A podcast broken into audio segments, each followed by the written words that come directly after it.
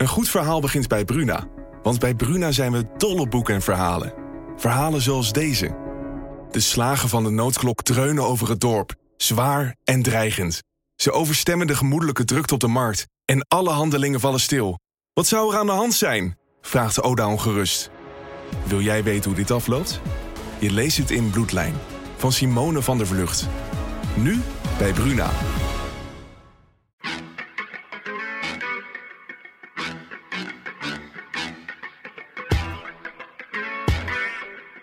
Dit is, dit is het land van Wierde. Een podcast van de Telegraaf met analyses op het nieuws die u elders niet hoort. Met Wierde en Robert Ophorst. Het is eh, donderdag 4 november. Vandaag in deze show een internetbank die botst met een eh, feministische organisatie. Een Europese publiekscampagne met in de hoofdrol een hoofddoek. En een rabbijn die onder vuur ligt in de Joodse gemeenschap vanwege een, een nazi-vergelijking. Nou, aan uh, brisante onderwerpen weer geen gebrek. Uh, jij wilde trouwens beginnen met jouw vakantie, Wiert. Je hebt een hele serie dia's meegenomen, want jij, uh, jij, jij, was in Polen. Ja, ik verzorg de komende weken een reizende dia-voorstelling door Nederland. Met uh, verhalen over de, mijn lange weekend in Polen. Nee, allemaal flauwkul. Maar ik was het weekend in uh, Krakau, lang weekend. En we hadden de mazzel dat het heel mooi weer was. Uh, maar ik wil het toch even over hebben, omdat wat mij daar opviel was de enorm uh, relaxte sfeer op straat. De vriendelijkheid van de mensen en vooral ook de gedachten. En dat merkte je ook wel als je met mensen sprak. Dat deze mensen zich nog um, op de een of andere manier lid voelen van die gemeenschap. En dit klinkt misschien een beetje pathetisch voor mensen die daar niks mee hebben. Maar je merkt daar heel sterk dat die Polen gewoon kennis hebben van hun eigen samenleving, van hun eigen geschiedenis, vooral hè, heroïsche geschiedenis, maar ook hele tragische geschiedenis, omdat Polen bijvoorbeeld heel lang is opgedeeld geweest, zeg maar heel lang niet heeft bestaan. Mhm. En um, Polen bestond toen eigenlijk alleen maar door de taal nog en ook door de religie. Het is een heel katholiek land, dat merk je ook. En hoe, uh, hoe merk je dat, uh, dat ze, die gemeenschapszin als je daar met je Lonely Planet in de hand uh, over de pleinen loopt? Nou, omdat uh, mensen het zitten niet zoals in de Randstad. Hè. Voor mensen uit de provincie is het misschien af en toe nog moeilijk te begrijpen. Maar als je in de Randstad uh, uh, door die grote steden wandelt, dan zie je toch heel duidelijk dat mensen soms enige argwaan koesteren. Of in ieder geval hè, bepaalde groepen, laten we zeggen, bepaalde groepen jongeren bijvoorbeeld, hè, de fameuze jongeren, toch wel vermijden, daar even omheen lopen, omdat ze toch niet in aanraking met hem willen komen. Uh, iedereen lijkt een beetje met zijn, met zijn eigen ding bezig. Terwijl daar, hè, mensen zijn daar, ja, het is allemaal anekdotisch bewijs, ik weet het wel. Mensen gaan weer zeuren van ja, waar, heeft hij het over? Maar goed, uh, hier komt het anekdotisch bewijs. Je loopt daar over straat, je flaneert daar. Mensen aardig, mensen komen, schieten je te hulp. Hè? Als je op je kaart aan het kijken bent of op je, je telefoon, dan zeggen ze, hé, waar moet je naartoe? Zeg even uitleggen waar je naartoe moet en zo. Het is er ook gewoon veel rustiger. Het is minder luidruchtig allemaal. Dus de mensen zijn rustiger, maar dat is sowieso iets in het Oostblok. Ik ben heel veel in het Oostblok geweest. Het oude Oostblok, Oost-Europa. En dat, valt daar al, altijd op. Um, en de hele sfeer die daar hangt, is op zichzelf gewoon veel uh, aangenamer dan in de Nederlandse grote steden, die ik toch wel vrij goed ken. En minder agressiever uh, ook. En ik denk dat dat komt omdat, wat ik eerder zei, dat deze samenleving veel homogener is dat mensen zich uh, echt nog een burger voelen van die samenleving. En nu komt het, waarom, de reden waarom ik het hier even over wilde hebben, is dat uh, vanuit Brussel natuurlijk deze samenlevingen, hè, want Polen is niet de enige, in Hongarije heb je ook hetzelfde ongeveer. Um, vanuit Brussel wordt eigenlijk druk uitgeoefend op deze samenleving om zich open te stellen, bijvoorbeeld voor immigratie, vanuit islamitische landen vooral ook, hè, vluchtelingen op te nemen, die grenzen open te gooien. En die Polen, dat merk je ook als je uh, met ze praat. Die zeggen, ja, wij kijken naar uh, de chaos bij jullie, maar vooral ook in landen als Frankrijk, uh, steden als Brussel, Antwerpen, Parijs, Amsterdam, Rotterdam. En wij willen dat helemaal niet. Hè? Wij willen blijven zoals we nu zijn. Want wij willen niet over 10, 15, 20 jaar diezelfde chaos door een veel te hoge mate van immigratie als die in uh, West-Europa is ontstaan. Uh, Zweden is op dit moment, nou, Zweden, hè, wat ook ooit een hele homogene samenleving was, is op dit moment uh, de meest gevaarlijke qua aantal moorden. Vooral in bepaalde leeftijdscategorieën, twintigers, de meest gevaarlijke samenleving in de wereld, meen ik zelfs. Al in ieder geval in de westerse wereld. Nou ja, dat was natuurlijk twintig jaar geleden ondenkbaar geweest. En dat is het voorland wat die Polen zien. En die zeggen dus, ja, dat willen wij niet. En daarom zijn ze zo fanatiek in hun verweer tegen die Europese Commissie bijvoorbeeld. Ja, want Polen ligt nu uh, heel erg onder vuur hè, bij Europese lidstaten of EU-lidstaten, omdat er grote zorgen zijn over de onafhankelijkheid van de rechterlijke macht in Polen en, en het feit dat het land in bepaalde gevallen nu het nationaal recht boven het Europees recht plaatst. Ja, en dat is natuurlijk hun goed recht, het lijkt mij. Hè? Elk land zou nationaal recht boven Europees rechten moeten laten gelden. Want dat, je wordt, hè, het gaat om je land en je natie.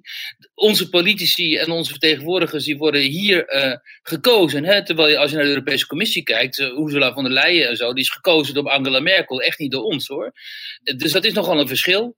Dus de democratische legitimatie van de natiestaten is gewoon veel groter dan die van de Europese Unie. En uh, deze kwestie over die, uh, welk, welk recht boven welk recht gaat, ehm, dat is gewoon een hele belangrijke kwestie waar de fundamentele discussie over zou moeten zijn. Wordt in Nederland natuurlijk weer niet gevoerd.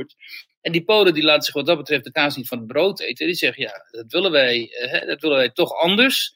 Ja, nu, en nu gaat de Europese Commissie, die laat het escaleren. Nou ja, althans, het probleem dreigt uh, te escaleren. En wat ik dan zou willen zeggen, daar wil ik dan mee afsluiten, is in Brussel zouden ze veel betere kennis moeten hebben van de geschiedenis van deze landen. Ze zouden moeten weten hoezeer vooral ook de Polen hebben gevochten voor hun nationale soevereiniteit. En moeten vechten voor hun onafhankelijkheid. Hè, want ze zijn zowel door Hitler als door de communisten zijn ze ooit uh, bezet geweest.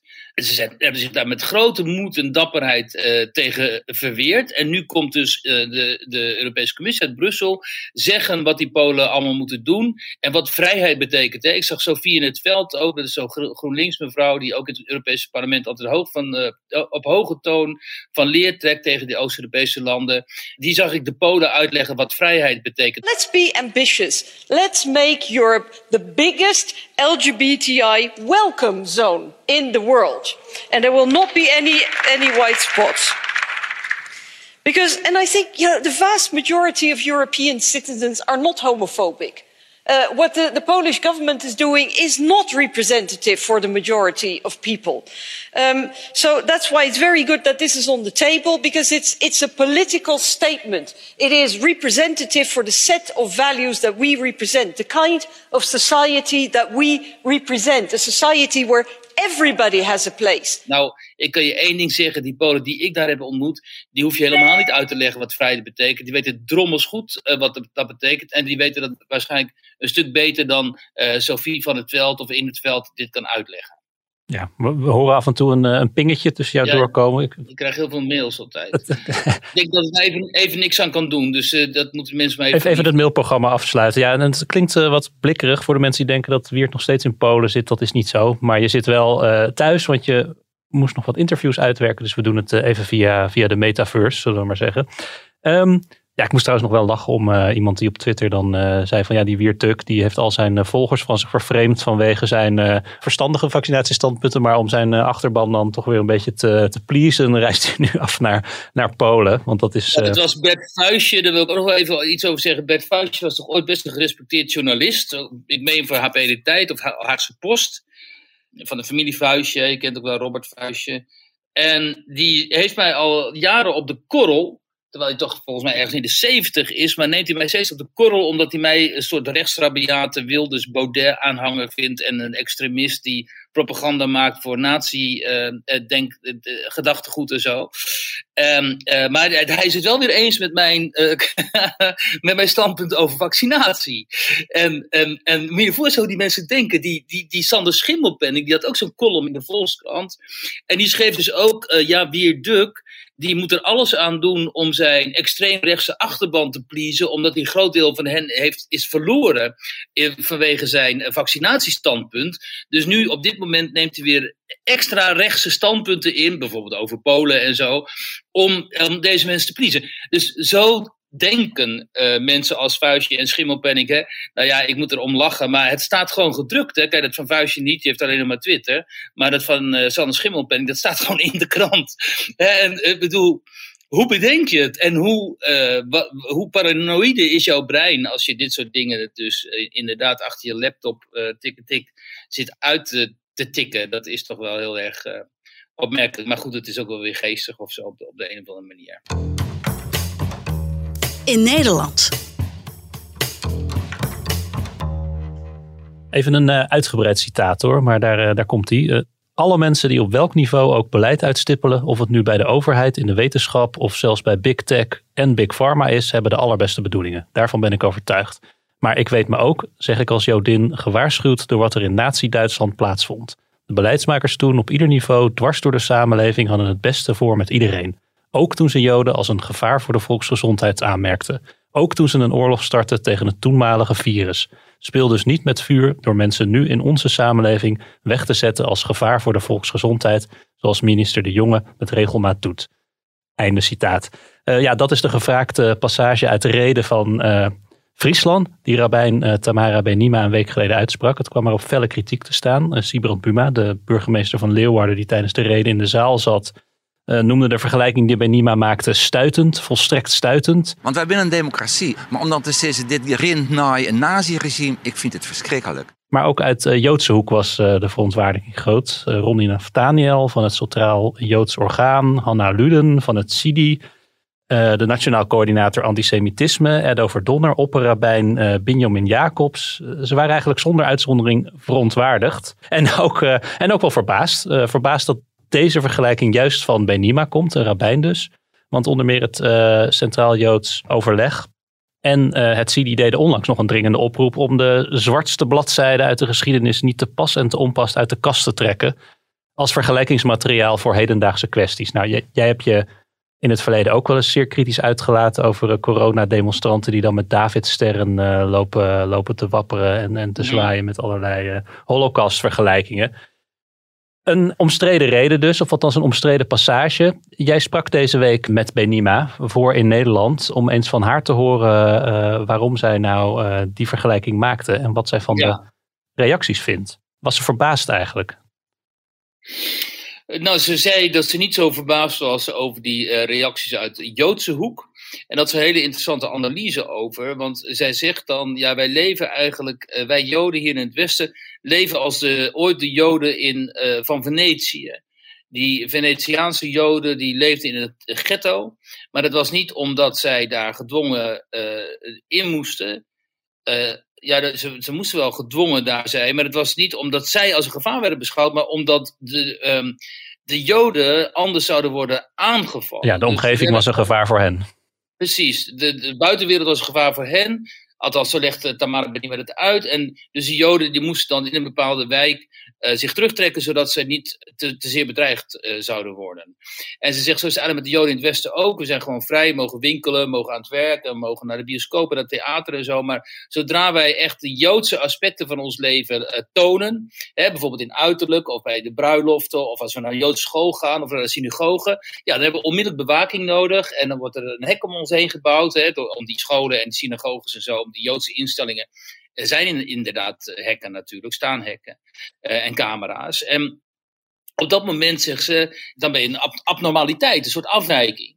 En zij zegt, ja, deze situatie vind ik abnormaal ontoelaatbaar, maar, zegt die, al die Joodse woordvoerders die nu zo kritiek op mij hebben, die zijn eigenlijk tevreden met die status quo. Die denken, er is geen alternatief en omdat er geen alternatief is, moeten wij uh, schurken tegen de gevestigde orde, tegen de macht, omdat die ons eigenlijk beschermt. Die zorgt er toch voor dat deze status quo blijft bestaan. Stel je voor dat iemand als Wilders, nou ja, dat zeggen ze dan, hè, dat denken ze. Of dat, stel je voor dat, laten we zeggen, eh, populistisch rechts of populistisch links, dat kan ook, natuurlijk ook, aan de macht komt. Dan kan het heel goed zijn dat in de samenleving de sfeer ten aanzien van de Joden verandert en verhardt misschien wel. Helemaal als de islamistische partijen aan de macht zouden komen. Dus wij kiezen ervoor om deze gevestigde orde die er nu is, om die te pleasen zodat het uh, onze situatie in elk geval niet lastiger wordt. En zij zegt ja, en daarom verdragen die mensen dat niet als ik dan die uh, gevestigde orde uitdaag.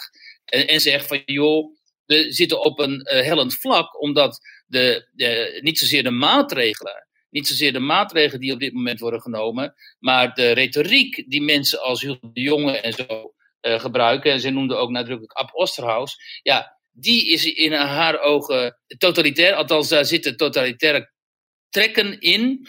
En dat wilden zij in die reden aan de orde stellen. De beleidsmakers toen hadden het beste voor met iedereen. Ook toen ze een oorlog startten tegen het toenmalige virus. Speel dus niet met vuur door mensen nu in onze samenleving weg te zetten.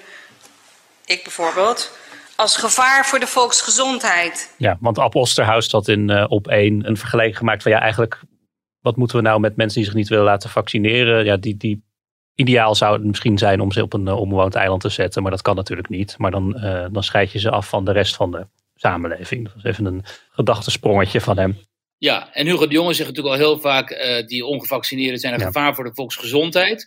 Ja, uh, een gevaar voor de, de volksgezondheid, dat waren de, de, de Joden ook bij wijze van ja, spreken in, in, de jaren 30. Zij zegt dus van oké, okay, ik krijg die kritiek vanuit de Joodse hoek omdat ik uh, de, de macht, om het zo maar even te zeggen, bekritiseer. Maar ja. de kritiek van de Joodse organisaties gaat natuurlijk niet om het feit dat zij kritiek heeft op het beleid, maar om het feit dat zij die vergelijking maakt. Dus de woorden die zij daarvoor gebruikt en de retoriek die zij daarvoor gebruikt.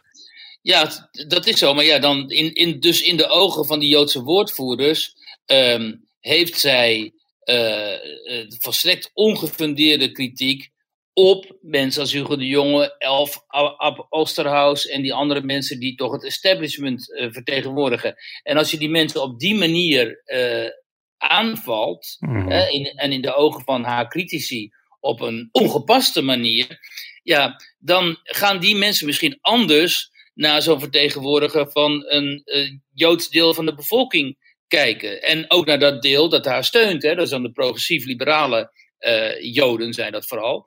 En dat willen ze voorkomen. Althans, dit allemaal in haar. Hè? Mhm. Ik parafraseer haar nu. Ik vind het zelf niet, maar dat vindt zij. En dat willen zij ten alle tijden. Ze willen ten alle tijden voorkomen dat er een conflict ontstaat. Een soort van breuk tussen de Joodse gemeenschap en de macht. Ja. Uh, althans, de huidige macht. Dat is VVD, CDA, hè, zeg maar, dat, dat, dat, dat midden. Nou was het sowieso een reden vol met uh, historische vergelijkingen. Ze trok ook een vergelijking met de blokkeervriezen en met de Taliban die uh, Boeddha-beelden opblazen. Waarom het motivaties, meen ik. Ja.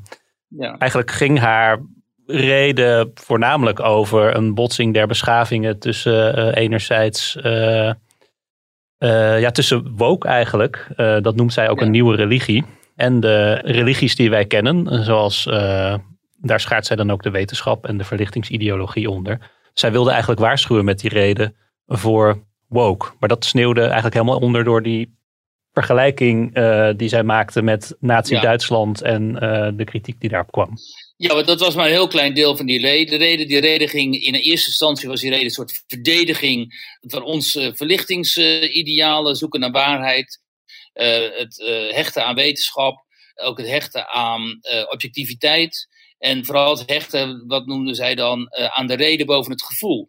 En ze zegt dat uh, woken uh, denken dat nu zo opkomst is en dat, dat zij als een groot gevaar ziet, en dat doe ik ook. Dat zegt zij, dat drijft volledig op gevoel. Op gevoel van buitengesloten zijn, gevoel van slachtofferschap. Het deelt de samenleving in, waar we het al vaker over gehad hebben hier, in daders en slachtoffers. Daar is geen ontkomen aan. Je kunt niet aan, als individu kun je niet ontkomen aan de groep waartoe je behoort. Dus jij als blanke man bent altijd deel van die groep van onderdrukkers. En jij als Joodse vrouw of als um, uh, islamitische vrouw of als zwarte vrouw of man bent altijd uh, deel van die groep van slachtoffers. Uh, hoewel voor de Joden is een soort van uit, uitzonderingspositie uh, gereserveerd, geloof ik. Daar zijn ze nog niet helemaal uit in de, die, die woke activisten. Maar goed, dus het zet de samenleving, uh, de groepen in de samenleving tegen elkaar op. Het is bovendien ook heel agressief. Hè? Mensen worden niet. Um, uh, en dan, dan, dan moet ik even zeggen, het interessante is, zij zegt, ik onderstreep eigenlijk, onderschrijf al die doelen. Dus ik ja, onderstreep precies. het doel van radicale gelijkheid, van tolerantie, van hè, emancipatie van seksuele minderheden en zo. Maar ze zegt maar over de manier waarop je tot zo'n samenleving komt, waarin al deze groepen ook volledig geëmancipeerd zijn en, en zich ook macht kunnen toe-eigenen. Dat is politiek. Over de manier waarop moet te discussiëren zijn. Er moet een politiek debat worden gevoerd over het beleid dat uitgestippeld moet gaan worden om zo'n rechtvaardige samenleving te organiseren. Alleen woke uh, duldt geen debat. voor woke staat de uitkomst al vast. Namelijk de slachtoffergroepen moeten de macht krijgen en de onderdrukkers, die moeten oprotten, laten we het zo zeggen. Hè? Dus dat is een revolutionaire beweging. Dat is puur wat de, wat, wat wat de communisten ooit, en de nationaal-socialisten trouwens ook, zeiden: van we gaan een hele andere, een hele andere samenleving inrichten. En degene die, uh, de, de, ofwel de bourgeoisie of de rijken, zetten we af. We ontnemen hen hun eigendom. We straffen hen door hen in uh, kampen te zetten. En uh, wij zijn vanaf nu degene die hier de macht in handen hebben. En in die zin is woke past precies in die traditie. En daar wilden zij voor waarschuwen. Het is veel wel ironisch of grappig eigenlijk in zo'n zaal in Leeuwarden vol met regionale politici en notabelen, waarvan de helft waarschijnlijk nooit van woke heeft gehoord, staat zo'n Joodse verlichter daarbij en dan te waarschuwen voor dit gevaar dat is overgewaaid uit Amerika en dat vooral zeg maar, in de Randstad en in Hilversum en zo woekert, maar natuurlijk nog nauwelijks daar in, in Friesland. Dus ik vraag me heel erg af hoe de receptie is geweest van die. ja. Nou, speaking of woke, Um, laten we naar onze wekelijkse rubriek gaan. Wie, wie, wie, Wiert's Woken Week. Waar internetbankier jij, Wiert? Ik zit gewoon bij ING hier. En die is een keurige app. Dus uh, alles prima. Ja, niet bij Bunk dus. Want nee, die bank die nam deze week afscheid van Stichting voor Zij. Voor Zij, dat is een uh, stichting die naar eigen zeggen opkomt voor de rechten van vrouwen en meisjes. Zij moeten op zoek naar een... Uh, nieuwe bank. Want ze hadden een rekening bij Bunkbank, maar die heeft de bank opgezegd. Omdat uh, hun activiteiten niet aansluiten waar wij als bedrijf voor staan, al dus de bank. En want die zegt geen discriminatie van transvrouwen te tolereren. En daar zou uh, Stichting voor Zij zich schuldig gaan maken. Even voor zij, dus niet op zij. Maar wat, wat is voor zij nou precies voor stichting? Nou ja, die, uh, dat is een stichting van uh, vrouwen, feministische vrouwen, die zich keren tegen die transgender ideologie. Omdat ze zeggen, uh, transgender activisme, dus niet per se transgenders op zichzelf, maar transgender activisme is heel bedreigend voor vrouwen en vooral ook voor lesbische vrouwen. Omdat uh, die transgenderactivisten vaak mannen zijn die zich identificeren als vrouw. Die zeggen, ja, ik ben eigenlijk vrouw, hè, maar gewoon biologisch man zijn. En eisen dat ze vanaf dat moment niet alleen worden gezien als vrouw, maar ook toegang krijgen tot, al, tot het vrouwelijke domein eigenlijk. Dus tot vrouwelijke toiletten, tot vrouwelijke sauna's, uh, vrouwelijke kleedkamers, vrouwensporten ook. Hè. Je, had, je hebt die discussie gezien over transgenders in de vrouwensport. Uh, dat zijn eigenlijk gewoon mannen die, die, die dan uh, meedoen in die vrouwensporten en dan op basis van hun uh, surplus aan spierkracht en, en, en, zo gewoon winnen. Nou, die, die stichting die keert zich daartegen omdat ze vinden, dit is eigenlijk een soort van mannelijke uitvinding om de categorie vrouw te wissen. En dan kun je zeggen, ja, het is allemaal overdreven en zo. Maar het is het niet, omdat je uh, ziet op dit moment dat steeds vaker vrouwen niet meer vrouw worden genoemd, maar mensen die met een baarmoeder of mensen die menstrueren. Uh, mijn broer die wees mij laatst op een artikel in Nature notabene, wat, of in The Lancet, een van die gerenommeerde wetenschappelijke bladen, waarin dan ook stond, uh, hè, waarin het begrip vrouw niet meer werd gehanteerd, maar people who menstruate. Weet je? En dan, dat is echt ziek omdat uh, mannen kunnen niet menstrueren. Uh, maar uh, vanuit die transgender ideologie wordt dat wel beweerd. En dat is heel heikel, omdat die transgenders enorm kei, een hele actieve kern van activisten hebben. En ook zich heel, enorm agressief kunnen opstellen tegen mensen die hun uh, assumpties, zeg maar, zoals het heet, ter discussie stellen. Mm-hmm. En daarvoor blijken e-, e- enorm veel instituten en instanties en ook media en zo uh, heel erg gevoelig. Ik weet ook niet of er bij hun geklaagd was uh, over deze stichting. Ja, ja, zeker. Dat, dat, het bunk, ik, ik ga ze nog spreken trouwens hoor, maar ze hebben nog niet gereageerd op e-mail van mij. Maar op hun Twitter-account schreven ze in het Engels, dat is ook weer zo typerend. Uh, terwijl toch dit gewoon. Nou ja, dat viel mij op inderdaad. Dat je dat dan in het Engels gaat twitteren als bank zijn. Nou, twitteren zij alles geloof ik in het Engels. Maar dan zoek je ook heel erg. Uh, ja, dan, dan, dan zo'n boodschap is dan ook bedoeld voor de rest van de wereld, zullen we maar zeggen. Van we hebben nu rekening opgezegd. Ja. Uh, Oké, okay, ik krijg nu net een e-mail van, ehm, van Bunk. Van de internationale PR en communicatie. Nou, dat kunnen we, kunnen we live voorlezen. Ja. Oh, nou, ze, ze willen zelfs de CEO dat ik met de CEO ga praten. Maar dat lijkt me allemaal onzin. Maar goed, um, in ieder geval, ze zijn ermee bezig. Wat schrijven ze? dat ik, dit is in het Engels, dat ik ehm, mijn vragen per e-mail kan stellen. En our CEO is currently in the US, but we may be able to arrange a call with him depending on timings. Ehm, en die CEO, dan moet je weten, dat is dus een miljardair. Uh, dat is ook zo grappig. Die, want Bunk is dus een zeg maar, ideële bank, hè, voor zover ik dat allemaal goed heb begrepen. En uh, de CEO daarvan uh, is een Canadees met Indiase, van Indiase komaf. En die is niet zo lang geleden nog um, toegetreden tot de groep van miljardairs, Ali Niknam. Um, maar goed, ik hoef natuurlijk helemaal niet met hem te spreken. Ik moet gewoon iemand van de voorlichting hebben. Maar waar het volgens mij ook wel, waarom we het hierover hebben. Kijk, dat zal vast wel overeenkomstig de huisregels zijn dat zij dit, uh, dit, dit recht hebben om uh, rekeninghouders te weigeren of, of, of uh, rekeningen op te zeggen. Maar het punt is natuurlijk dat als er iemand over klaagt over zo'n rekening of iemand steekt intern een vinger op van dat, dat zo'n bank dan meteen actie onderneemt. En dat dus kennelijk dit zo gevoelig ligt nu dat, uh, dat dat meteen uh, wordt opgezegd, zo'n rekening. En ook nadrukkelijk wordt gecommuniceerd met de buitenwereld van hier willen wij niks mee te maken hebben. Want je zou maar als organisatie in verband gebracht kunnen worden met iets wat ruikt naar transfobie. Ja, dat heb je heel goed samengevat, want daar ging het natuurlijk over. Hè, was er geklaagd? Ja, er was kennelijk geklaagd. Dat zeiden ze op die Engelstalige Twitter-account. En, uh, uh, en wat je ook zegt, je wil natuurlijk niet als min of meer ideële instelling uh, geassocieerd worden met een zo gevoelige kwestie als transfobie. Want als je iemand tegenwoordig transfoob noemt, dat is gewoon een doodvonnis. Dat hebben we gezien met die mevrouw in Sussex, hè? die uh, hoogleraar daar, die feministische hoogleraar, die uh, ook werd um, door, een soort, door een soort straatmop werd um, achtervolgd omdat zij ook transfoob zou zijn. En ze zouden transfoob zijn omdat ze gewoon zegt van joh, er bestaan twee geslachten biologisch. En uh, je kunt honderd keer zeggen dat er 71 of 72 genders bestaan. Er bestaan gewoon twee biologische geslachten, man, vrouw, en af en toe zit er iets tussenin. Nou, dat is haar dus ook uiteindelijk zo uh, zeer, is zij uh, geïntimideerd geraakt, dat ze nu is gestopt daar bij die universiteit. ze heeft en, zelf inderdaad besloten om op te stappen.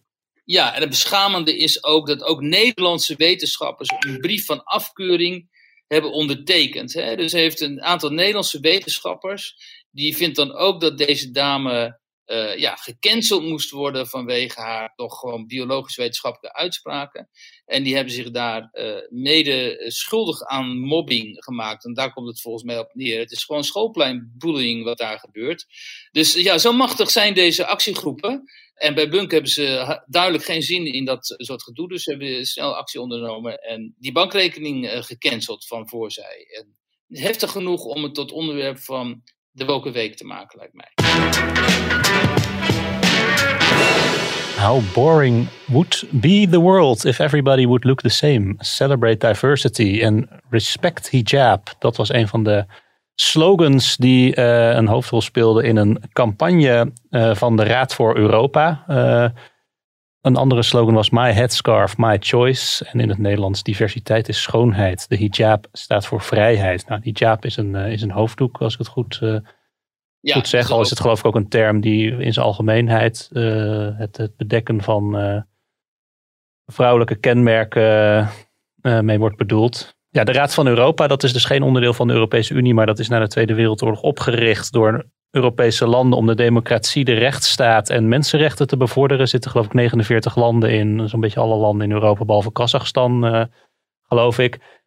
Die campagne die was onder andere op Twitter te zien. Uh, dat ging dus om, om keuzevrijheid en ook keuzevrijheid voor vrouwen. En de keuzevrijheid, de vrijheid die vrouwen moeten hebben om een hoofddoek te dragen als zij dat willen. Dus een hoofddoek staat gelijk aan vrijheid. Nou, daar kwam een hele hoop kritiek op.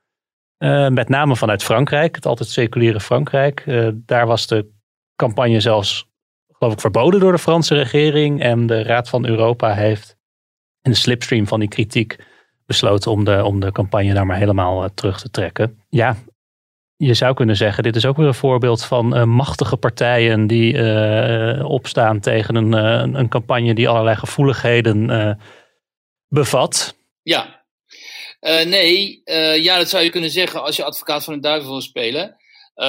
Maar het gaat hier er natuurlijk om dat uh, notabene onder de paraplu van de Raad van Europa hier propaganda wordt gemaakt voor de hoofddoek. Terwijl de hoofddoek in heel veel landen ter wereld um, wordt gezien voor vrouwen als een um, symbool van onderdrukking.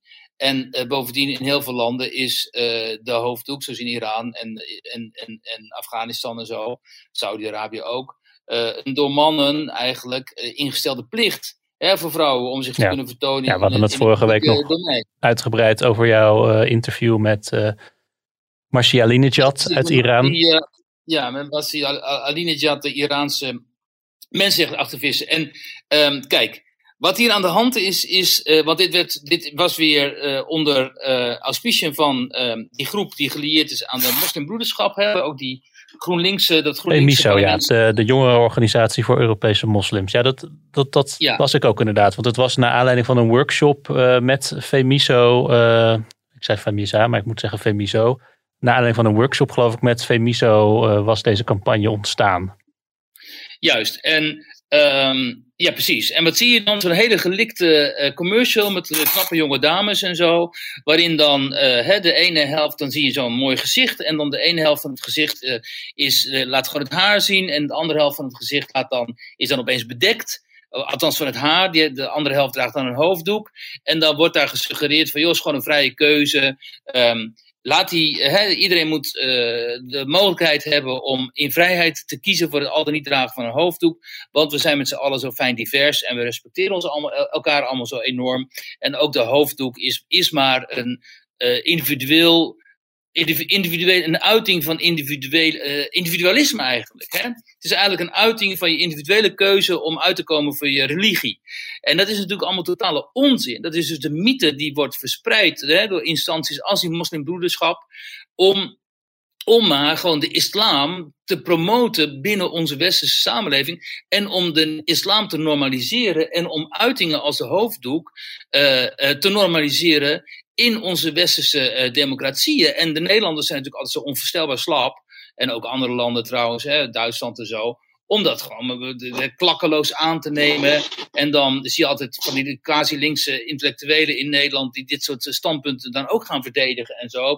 Gaan ze meestal zeggen, ja, mijn moeder of mijn oma die droeg ook een hoofddoekje in de jaren 50 en oh oh, wat is nou het verschil en zo. Maar de Fransen, die weten als geen ander het verschil, hè, het verschil te maken ook. En die zagen dit dus. En die grepen toch onmiddellijk aan de bel. Aan de bel. Ja, had Nederland het maar gedaan. Maar Nederland doet nooit zoiets. Hè. Ons kabinet doet nooit zoiets. Nee, hooguit dat er in de oppositie dan wat uh, gemoord wordt en vragen over gesteld. maar in die oppositie. Maar je zou van VVD en ook hè, verwachten, gewoon verwachten dat ze is dus een keer positie hierover innemen, maar dat, dat durven ze niet. Maar er komt notabene hè, een Franse minister met allochtone achtergrond, ik denk al in ieder geval Noord-Afrikaans, en die zegt dan van jongens, uh, hier zijn we niet van gediend. Want je gaat niet vanuit uh, suggereren dat vanuit een Europees instituut als die Raad van Europa, waar heel veel landen bij zijn aangesloten, dat je van daaruit gewoon maar een campagne kunt gaan starten voor het dragen van de hoofddoek. Wat krijgen we nou zeg? Ja. Dus die trokken aan de bel en prompt. Uh, en, maar het grappige is, het grappige is dat wij vanuit de krant ook die organisatie net hadden benaderd, omdat wij hier een, uh, althans mijn, onze collega Johan van Dongen, uh, voor de opiniepagina van de krant een stuk aan, wil, over, aan wilde wijden. Dus we vroegen die organisatie, hebben jullie misschien iemand die, die achter de campagne zit, die een stuk wil schrijven in, in favor, dus in... in Ter verdediging van iemand van de Raad van Europa of iemand van Femiso? Precies, en dan hebben wij de, op de andere kant van de pagina komt dan iemand die um, aanstoot neemt aan die mm-hmm. campagne. Nou, toen kregen we dus een e-mail terug uh, waarin stond: ja, sorry, we staan niet achter die campagne. Dus die campagne is wel eens door Finiso, um, uh, of weliswaar hebben wij een workshop gehad mm. met deze mensen samen, maar ze spreken niet uit naam van de Raad van Europa. Dus hebben we besloten om die, om, uh, die ja. video te verwijderen van de, van de socials. Wat mij nou ook opviel, want Femiso heeft uh, meteen een, een statement de deur uitgedaan waarin ze hun afreizen uitspreken over het terugtrekken van deze campagne. Kijk, maar Femiso zet zich onder andere heel erg in, zeggen zij, voor... Um, of om, om, om, om uh, anti-moslim Ja, hate, islamofobie. hate- islamofobie, ja, ik hate speech, maar islamofobie om aan te pakken. Nou ja, kijk, in principe is het natuurlijk prima en toe te juichen dat zij eh, islamofobie willen bestrijden en aan willen pakken. Nou, dan komen ze met deze campagne, die was daar blijkbaar eh, voor bedoeld. Nou, dan, eh, dan kan je inderdaad zeggen van dat is misschien niet, eh, dat is niet de juiste campagne. Maar als er dan kritiek komt op zo'n campagne, en dat blijkt heel erg uit die statement van Femiso, dan framen zij dat meteen als, en dat dan citeer ik letterlijk, heavy racist en anti-Muslim attacks. Ja, dus ja, ja, zij zien dat meteen als een bevestiging van het feit dat, eh, of als, als een vorm van islamofobie. En dan Nou maak je natuurlijk is dus- wel drie stappen in je denken. Drie stappen te veel wat mij betreft. Want dit was natuurlijk gewoon inhoudelijke kritiek hierop. Van de afzender, de inhoud en, en, en het effect wat, wat zo'n campagne eh, zou hebben. Eh, hier zie je dus precies ehm, de manier waarop de moslimbroederschap te werk gaat. Eerst ga je dus zeg maar infiltreren. Hè, je gaat die instituties infiltreren, je gaat die samenleving infiltreren. Je probeert via allerlei eh, glamourachtige filmpjes en dergelijke blogs. Probeer je de, in de hearts en minds te komen van de burgers in die samenlevingen. Hè. Dat zie je in Nederland ook. Je hebt ook op, op Twitter heb je zo'n Turkse mevrouw, die ook een groot verdediger van de hoofddoek is, eh, Emine Uwer, heet ze geloof ik, ehm, als ik de naam goed uitspreek. En die heeft nu ook een column bij Trouw gekregen. En die, die gaat ook op precies deze manier te werk. Hè? Van, joh, de hoofddoek is onschuldig, het is onze vrije keuze, de islam is een schitterende godsdienst, het is een vredelievende godsdienst. Al die, dat geweld dat wordt eh, uit de naam van de islam plaatsvindt, dat is niet de echte islam. En dan zie je dus heel veel mensen die, ja, die dat heel vertederend vinden en denken, oh gelukkig weet je wat, wat, wat fijn eigenlijk dat we ook op deze manier kunnen samenleven. En dan uiteindelijk krijgen ze dus positie binnen de media, zoals deze mevrouw, of die Kouta, die notabene bij, bij Vermis heeft ge- gezeten, die zit nu voor GroenLinks in de Tweede Kamer. Eh Fonda Sala, het gemeenteraadslid eh, van D66, eh, met, ook met hoofddoek, zit voor D66 eh, tijdelijk in de Kamer.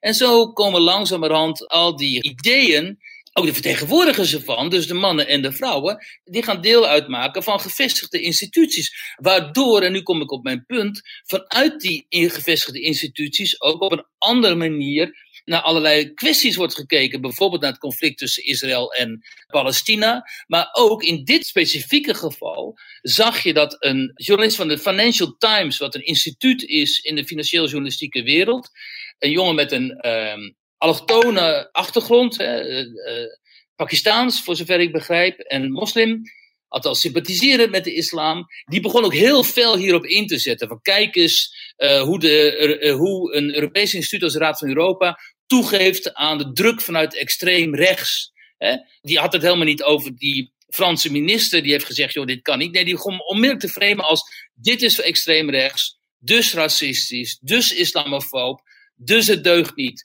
En wat erg dat men hier aan toegeeft. Ja, dat is dus heel erg verontrustend, omdat dit niet komt van een of andere eh, activistische eh, moskee of activistische imam, maar van iemand die een positie inneemt in de financiële journalistiek in Europa. Hè? En dit gaat ook gebeuren in Nederland. Dat zie ik al gebeuren. Hè? Ik zag al een tijdje geleden al een, eh, iemand van NRC, meen ik, althans een van die gevestigde kranten, redacteur ook, ook uit de islamitische hoek, die hele rare dingen ging twitteren, ging twitteren over. ehm, over Israël. En destijds speelde immers die ambtenaar, hè, die eh, ambtenaar, ehm, ook van allochtone afkomst, die eh, IS begon te verdedigen, weet je nog? En die daarvoor, die kwam Mhm. op een gegeven moment zelfs in zo'n eh, NOS of NPO radioshow. En daarin werd ze ook helemaal niet aangepakt door de, door de interviewer als Erik Korton destijds. Ja, die begon een beetje... Dit is al wel weer een jaar of tien geleden, geloof ik. Toch? Ja, maar die begon een beetje met hem mee te praten. Ja. Maar, maar je ziet dus telkens. Nou ja, we hebben eh, het Denk in de Kamer, hè, om, om maar even actueel te houden. En af en toe vinden we het Denk het best Ja. goed doen, zoals in die toeslagenkwestie en zo. Maar vergeet niet dat Denk destijds eh, de Turks-seculiere Kamerleden voor een Turks publiek eh, heeft beschuldigd van landverraad. Hè, waardoor die Turkse mensen als Zini Özdil en zo en eh, eh, Dilan Yeşilgöz en zo gewoon werden bedreigd. Ja. Hè. Dus Maar even, ehm, want Femiso heeft allerlei veronderstelde banden met de moslimbroederschap. Eh, of dat is inmiddels wel geloof ik aangetoond dat ze die, die hebben. En zo'n campagne die dan vanuit de Raad van Europa wordt gevoerd, daar kan je inderdaad van alles van vinden. Maar het moet toch gewoon mogelijk zijn. Er zijn hier gewoon uh, een, een hele hoop moslims. En die moeten toch ook gewoon kunnen meedoen. Ook in de politiek en ook in organisaties en ook in het publieke debat. Natuurlijk, maar en, en, dat doen ze ook. Alleen, of ze nou een uh, hoofddoek hebben of niet. Zeker, uh, ja, zeker. Nou ja, ik heb bezwaar tegen als mensen met hoofddoek in de Tweede Kamer zitten. Maar goed, dat is totaal puur subjectief en totaal niet te onderbouwen. Je kunt nog onderbouwen dat iemand met hoofddoek niet in de regering moet, zou moeten zitten, bijvoorbeeld. Maar in de Tweede Kamer zit iedereen toch op eigen mandaat. En dan kun je natuurlijk niet de hoofddoek gaan verbieden. Maar het punt hier is natuurlijk dat daar helemaal geen bezwaar tegen is. Dat, dat mensen van alle gezinten de politiek in moeten kunnen en ook stemrecht moeten hebben en noem maar op. Alleen dat we wel moeten kunnen blijven benoemen uh, met wie we te maken hebben. En uh, als wij mogen zeggen dat mensen die in de SGP zitten en SGP stemmen waarschijnlijk buitengewoon conservatief zijn op allerlei uh, dossiers. En waarschijnlijk ook misschien wel op een bezwaarlijke manier conservatief, althans voor mensen die, die linkser zijn, op dossiers als euthanasie, abortus, uh, noem maar op, of de huwelijk misschien wel, homo-huwelijk, dat soort zaken. Dan mogen we dat ook zeggen over conservatieve moslims. En als wij niet willen dat vanuit de Raad van Europa bijvoorbeeld um, propaganda wordt gemaakt voor het christelijke kruis dan dat zou heel, heel terecht zijn. Dan zou iedereen zeggen, wat slaat dit nou op? Gaan ze een beetje christelijke kruis promoten? Maar nu uh, promoten ze dus de hoofddoek. En nu zouden wij niet moeten zeggen dat dat niet kan. Dan zou het islamofoob zijn, of extreem rechts, of, uh, of racistisch. Ja, hallo, ten eerste zijn moslims geen ras. Dus het kan, kan sowieso niet racistisch zijn. En bovendien uh, gaat, is het niet aan de Raad van Europa om te proberen allerlei religieuze symbolen over het voetlicht te brengen. En het gaat en ook niet aan om te ontkennen dat de hoofddoek een religieus symbool is. Want die pogingen worden dus ook telkens gedaan. Zo van ja, het is een soort modeaccessoire en zo. Dat is het niet. Het is een religieus cultureel symbool bedacht door mannen die hun vrouwen in toom willen houden. En dan kun je wel als moslim zo dat gevoel internaliseren en zeggen: ik doe het uit vrije keus. Dat is ook prima als je dat uit vrije keus doet, maar je mag nooit vergeten waar het uiteindelijk vandaan komt. En als jij zegt, ik ben eigenlijk een progressieve moslima en ik sta voor gelijkheid van man en vrouw, ik ben voor het homohuwelijk, enzovoort, enzovoort, al die dogma's van D66 of GroenLinks onderschrijf ik, hoe kun je dan toch de hoofddoek dragen. Daar zit dus een hele rare spagaat in die breinen. En dat mogen wij, kritische journalisten, zeker uh, moeten wij dat blijven benoemen, denk ik. Ja. Ik heb het trouwens nog even opgezocht. Dat van die ambtenaar en uh, IS was niet tien jaar geleden, maar dat was in 2015. Ja, Jasmina dat... Haifi. Toen heette het nog ISIS, geloof ik, en niet IS. Maar die werkte ja. bij het uh, ministerie van Justitie destijds. In het, Hij zei niet dat de IS door Zionisten was ja. Uh, precies, gefinancierd? Ja. nou ja, dat is dus uh, zo ontstellend antisemitisch. dus ja, goed. Nou, de, wachten even op jouw volgende vakantie. Ja. Weet je al waar die heen gaat? ik denk naar Scandinavië. naar Zweden. Ja, op naar Zweden. Dus we zullen het zien. Ik dank jou hartelijk weer. Ik ook. En alle luisteraars ook weer bedankt en graag tot volgende week. Dank je, Robert.